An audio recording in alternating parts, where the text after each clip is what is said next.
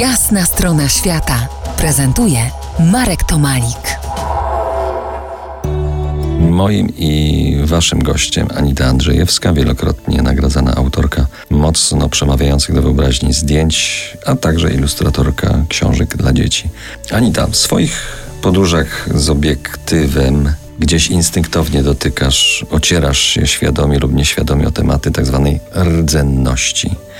Benares to jedno z najstarszych miast świata, miasto w Indiach. Jak udało ci się tam wejść w środowisko?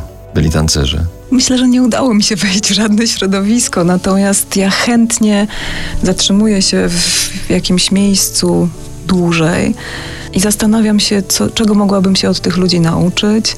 A ponieważ moją pasją od wielu lat kompletnie amatorską jest taniec, jest ruch, e, więc znalazłam się, znalazłam sobie lekcję e, ta, tradycyjnego tańca Bharatanatyam na uniwersytecie i tam sobie chodziłam. Przy okazji poznaję ludzi.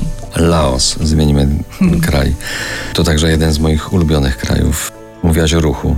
Ruch to Butterfly Kids, dzieci motyle. Co to za temat? To jest miejsce stworzone przez parę Amerykanów, e, lekarkę i fotografa, którzy zamieszkali w Laosie i na pograniczu Tajlandii, Birmy i Laosu, w tym takim złotym trójkącie, stworzyli miejsce w, w rejonie super biednym i super zacofanym.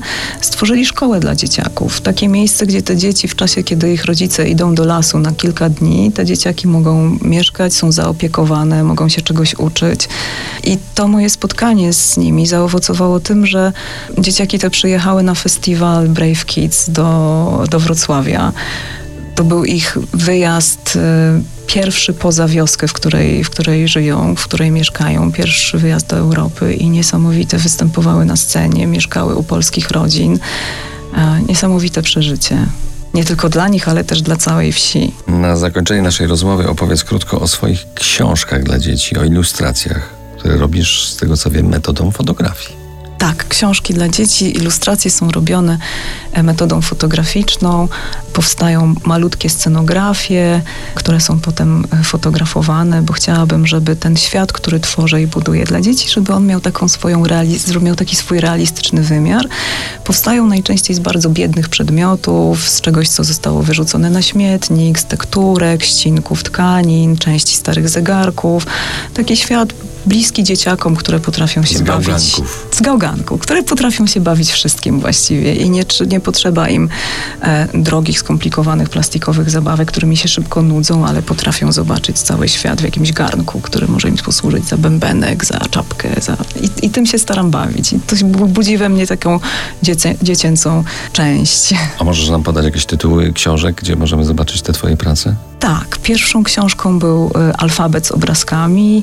Potem była książka wydana dla Zamku Królewskiego na Wawelu, obrazująca legendę o Stańczyku. Były też książki wydane za granicą, Kot w butach w Korei i alfabet w wersji amerykańskiej. Przypomnę, że naszym gościem po jasnej stronie świata była Anita Andrzejewska, absolwentka Akademii Sztuk Pięknych w Krakowie, wielokrotnie nagradzana artystka, fotografik. Przedsmak jej prac znajdziecie na stronach anitaandrzejewska.pl. A my po jasnej stronie świata usłyszymy się już za niecały tydzień. To była jasna strona świata w RMF Classic.